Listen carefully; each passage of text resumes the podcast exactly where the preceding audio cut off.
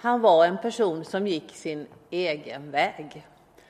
Han brydde sig inte så mycket om vad andra tyckte. Han behövde inte bekräftelse. Grupptryck, det stod han enkelt emot. När andra tänkte på att landet var ockuperat av romarna så engagerade de sig i olika motståndsrörelser och sånt. De fick kamplust. Det fick inte han. Han tänkte istället, den här ockupationen, den har pågått så länge. Så det är nog bättre att acceptera läget. Det är bättre att samarbeta. Så han sökte jobb istället hos eh, ockupationsmakten. De behövde folk som hjälpte till vid tullen och han fick jobbet. Det var ju inte så populärt. En sån person blir kallad för svikare. Publikan hette det då. Quisling kan vi säga idag. Minst populär blev han bland fariseerna, de religiösa ledarna i landet. För frågan om att vara ockuperad var inte bara en politisk fråga. Det var också en religiös fråga. Landet hade ju judarna fått av Gud. Kan man då acceptera en ockupationsmakt? Och förresten så ska ju Messias komma tillbaka och han ska ju göra att landet blir fritt igen. Så fariseerna, de var självklart emot ockupationsmakten. Så jag tror inte att Sakaios, för så hette han, gick så ofta i synagogan. Jag tror inte han kände sig välkommen där. När alla andra på sabbaten gick dit så stannade han hemma, läste en bok, softade, lastade åsnan och åkte till Jordan och badade. Vad vet jag vad han gjorde? Men han var en ensam själ som gick sin egen väg. Vänner hade vänt honom ryggen och förmodligen har Gud också gjort det, tänkte Sakaios. En ensam själ, utan vänner, utan Gud, bara några romare. Det blir tomt. Så får även han höra om Jesus, för Jesus är ju det stora samtalsämnet under den här tiden. Jesus verkar inte heller vara som alla andra. Han verkar också gå sin egen väg.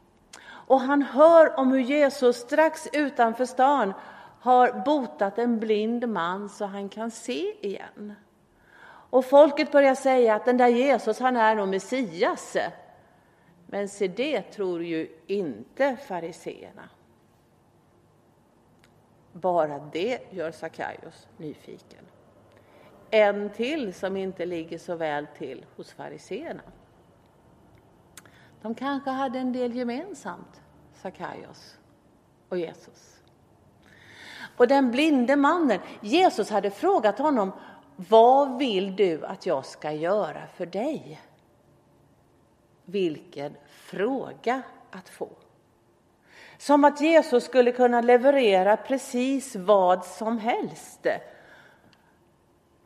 Undrar hur det skulle vara att få den frågan, tänkte kanske Sackaios. Hur tror du att det skulle vara att få den frågan?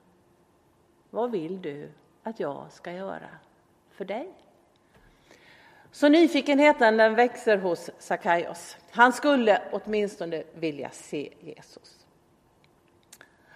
Även om Jeriko inte hade en så stor befolkning vid den här tiden så blir det ändå rejält fullt på gatan när Jesus kommer. Det var ingen social distansering. Alla går man ur huset. Proppfullt. Jag tänker att det var ungefär som när jag för några år sedan var vid Stockholms slott eh, en fin sommardag för att se på vaktavlösningen. Ingen kan ana hur många människor som får plats där. Det var så proppfullt med folk att hur jag än försökte så såg jag ingenting.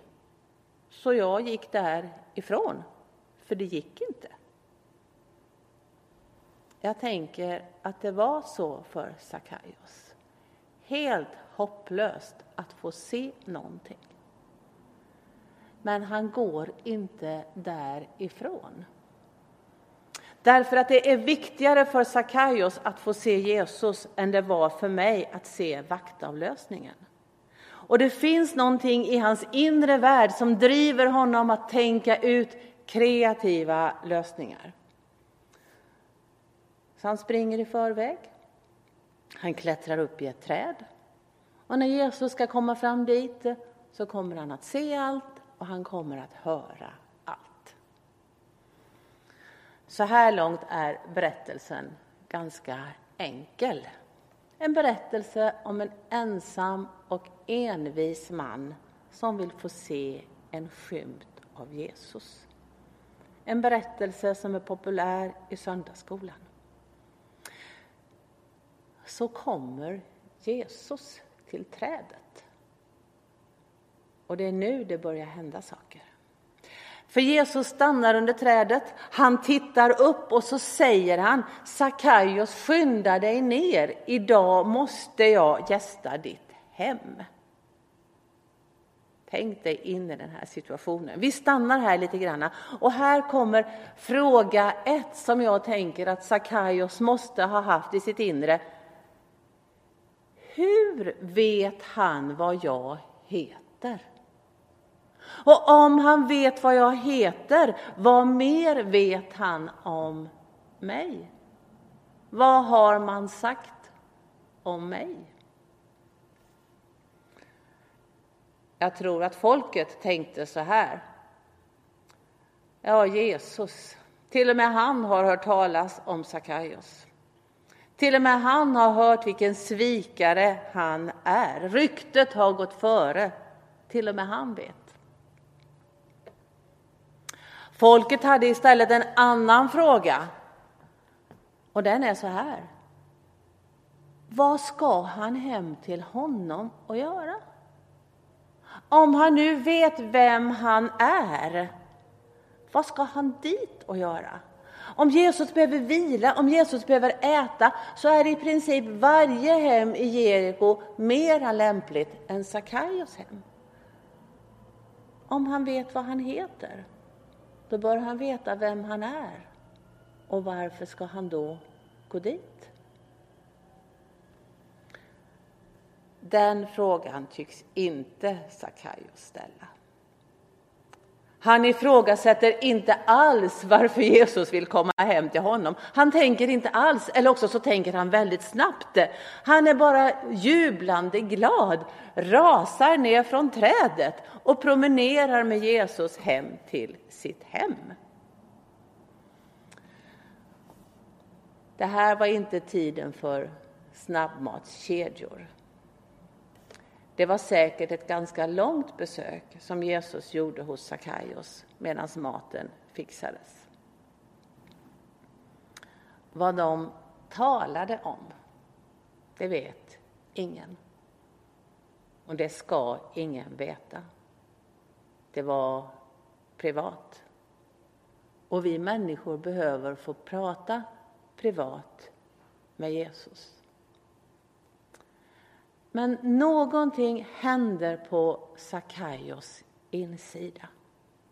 För när de har pratat klart så säger han att hälften av vad jag äger vill jag dela ut till de fattiga. Någonting har hänt i mötet med Jesus. Förändring. Om han slutade jobba vid tullen, det vet vi inte. Jag tänker att han gjorde det. Han hade ju hälften av pengarna kvar, så försörjd var han. Jag tror han anslöt sig till lärjungaskaran. Han fick ett sammanhang. Han fick en gemenskap. Ensamheten var slut. Jag sa att jag skulle ställa tre frågor idag. Och här kommer den tredje. Och den kommer inte ifrån texten utan den kommer ifrån mig själv. Och den är så här. Var allt detta förberett? Visste Jesus innan att han skulle möta Sakaios idag? Vi vet att Gud kan uppenbara saker för oss och det är ju möjligt att Jesus i förväg har fått en inre maning om att idag kommer du att möta en man i ett träd. Gå då hem till honom. Men det står inte. Det är möjligt att någon hade sagt till honom, i Jeriko finns en man som heter Sakaios, han är en riktig svikare, jag tror att han skulle behöva prata med dig, håll utkik efter honom, han är kortvuxen. Det är möjligt. Men det står inte. Eller var det en plötslig impuls som Jesus fick? Han går gatan fram i Jeriko, det är massor med folk och så ser han, oj, där sitter någon i trädet, honom vill jag gå hem till. Det står inte heller. Men jag tror inte att det är Jesu normala tillvägagångssätt att kalla ner folk från träd och säga att idag måste jag komma hem till dig.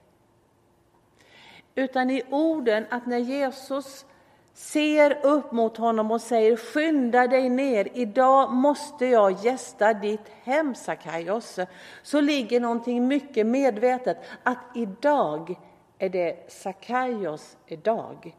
Idag ska någonting hända, något viktigt. Han måste få träffa Sakaios. Och så ytterst lämpligt att det fanns ett träd just här. Alla träd är inte enkla för kortvuxna att klättra upp i. Just det här trädet var klättervänligt. Det är nästan för bra. Och tanken fullständigt hisnar när man tänker att en stor Gud har planerat ett möte med Sakaios och sett till att det finns ett lämpligt träd att klättra upp i för att Sakaios ska få sitt möte med Jesus. Vi tar det från början. Nu vill jag läsa berättelsen för dig. Den står i Lukas kapitel 19 och de tio första verserna. Jesus kom in i Jeriko och vandrade genom staden. Där fanns en man som hette Sakaios. Han var förman vid tullen och han var rik. Han ville se vem Jesus var, men kunde inte för folkets skull eftersom han var liten till växten. Då sprang han i förväg och klättrade upp i ett mullbärsfikonträd för att se honom eftersom Jesus skulle komma den vägen. När Jesus kom till det stället såg han upp och sa till honom Sackeus, skynda dig ner, för idag måste jag gästa ditt hem. Han skyndade sig ner och tog emot honom med glädje. Alla som såg det mumlade förargat, han tog in hos en syndare. Men Sackaios stod där och sa till Herren, hälften av vad jag har, Herre, ger jag till de fattiga. Och har jag lurat någon på något betalar jag fyrdubbelt igen. Jesus sa till honom, idag har frälsning kommit till det här huset, för också han är en Abrahams son.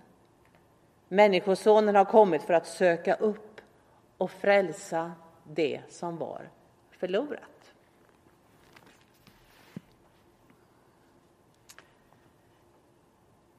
Om det är så att Gud hade förberett ett möte med Sakaios, eller Sackeus som han också kallas,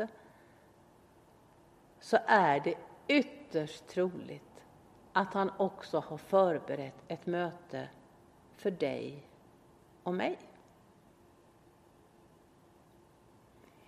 Är inte det en alldeles fascinerande tanke att Gud söker efter att få möta dig och mig.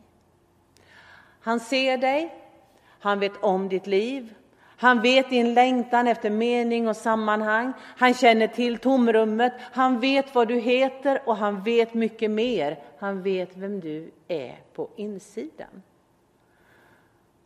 Och det som händer dig, som du kan tycka är en impuls eller ett infall, kan vara förberett av Gud.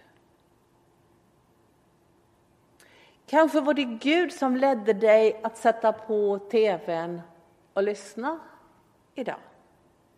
För att få kontakt med dig och tala om att han vill komma hem till dig.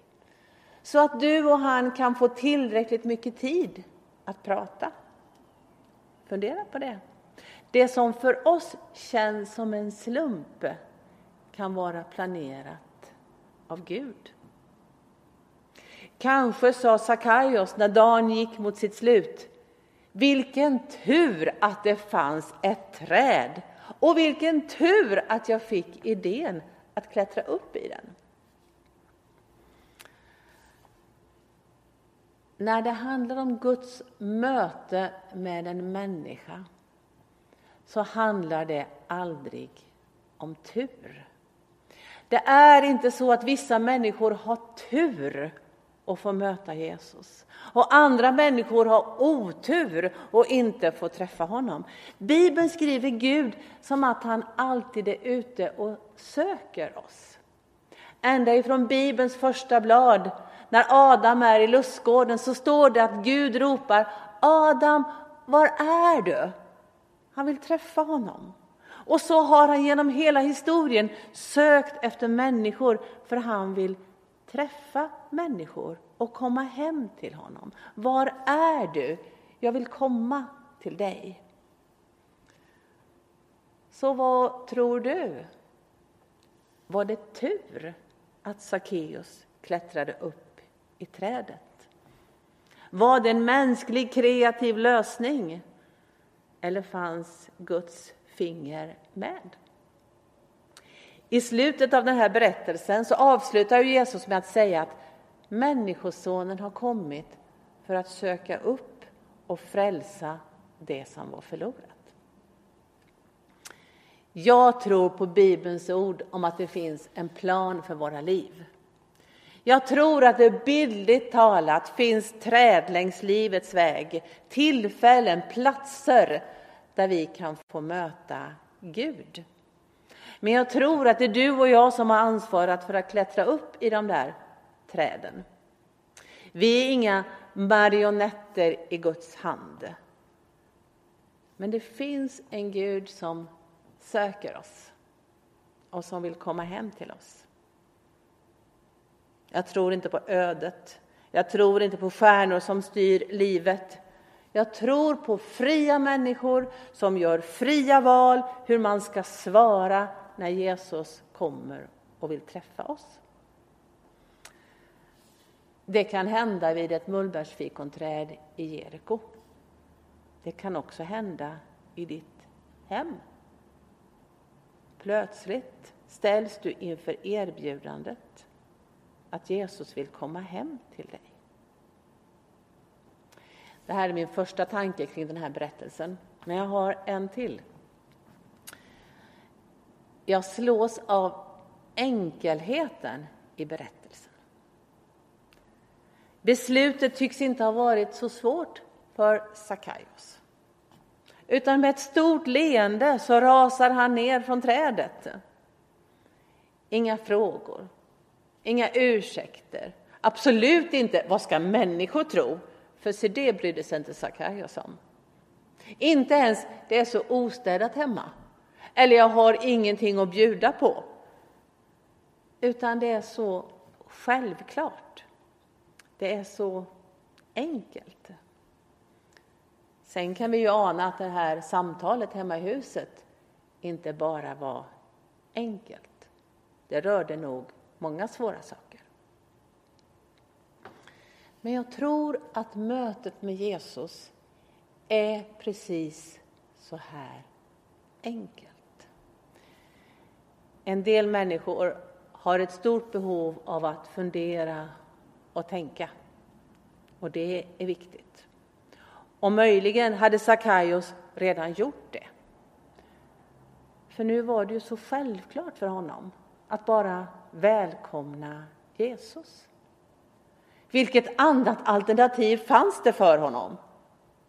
Han vore ju dum om den man som nyss har botat en blind utanför stan och som vill komma hem till honom, om han skulle säga till honom Nej, jag behöver tid att tänka. Klart han välkomnar honom, klart han är på. Frågorna, de tänker han ta sen, om det nu finns några.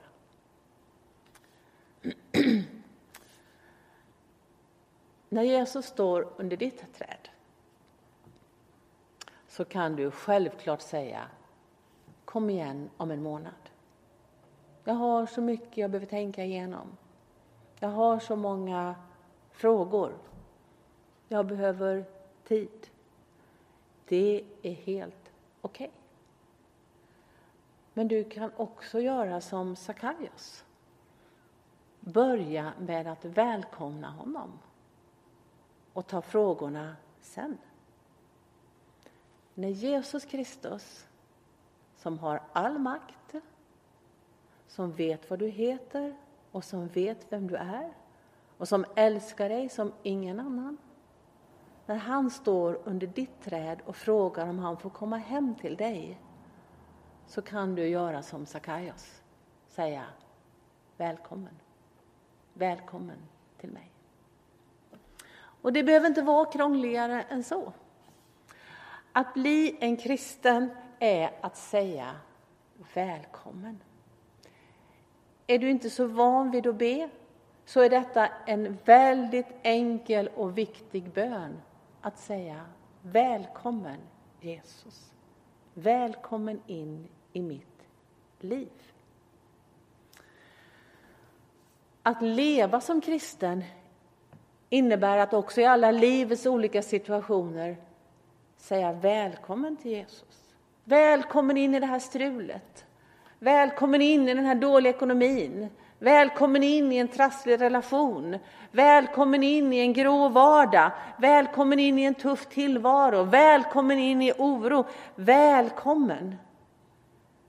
Livet som kristen, det är ett vardagsliv där vi ständigt välkomnar Jesus att leva med oss.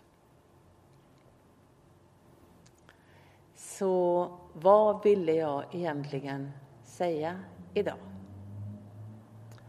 Jo, jag ville säga att Jesus Kristus har stämt möte med dig och mig. Han söker oss ständigt. Han vill komma hem till oss.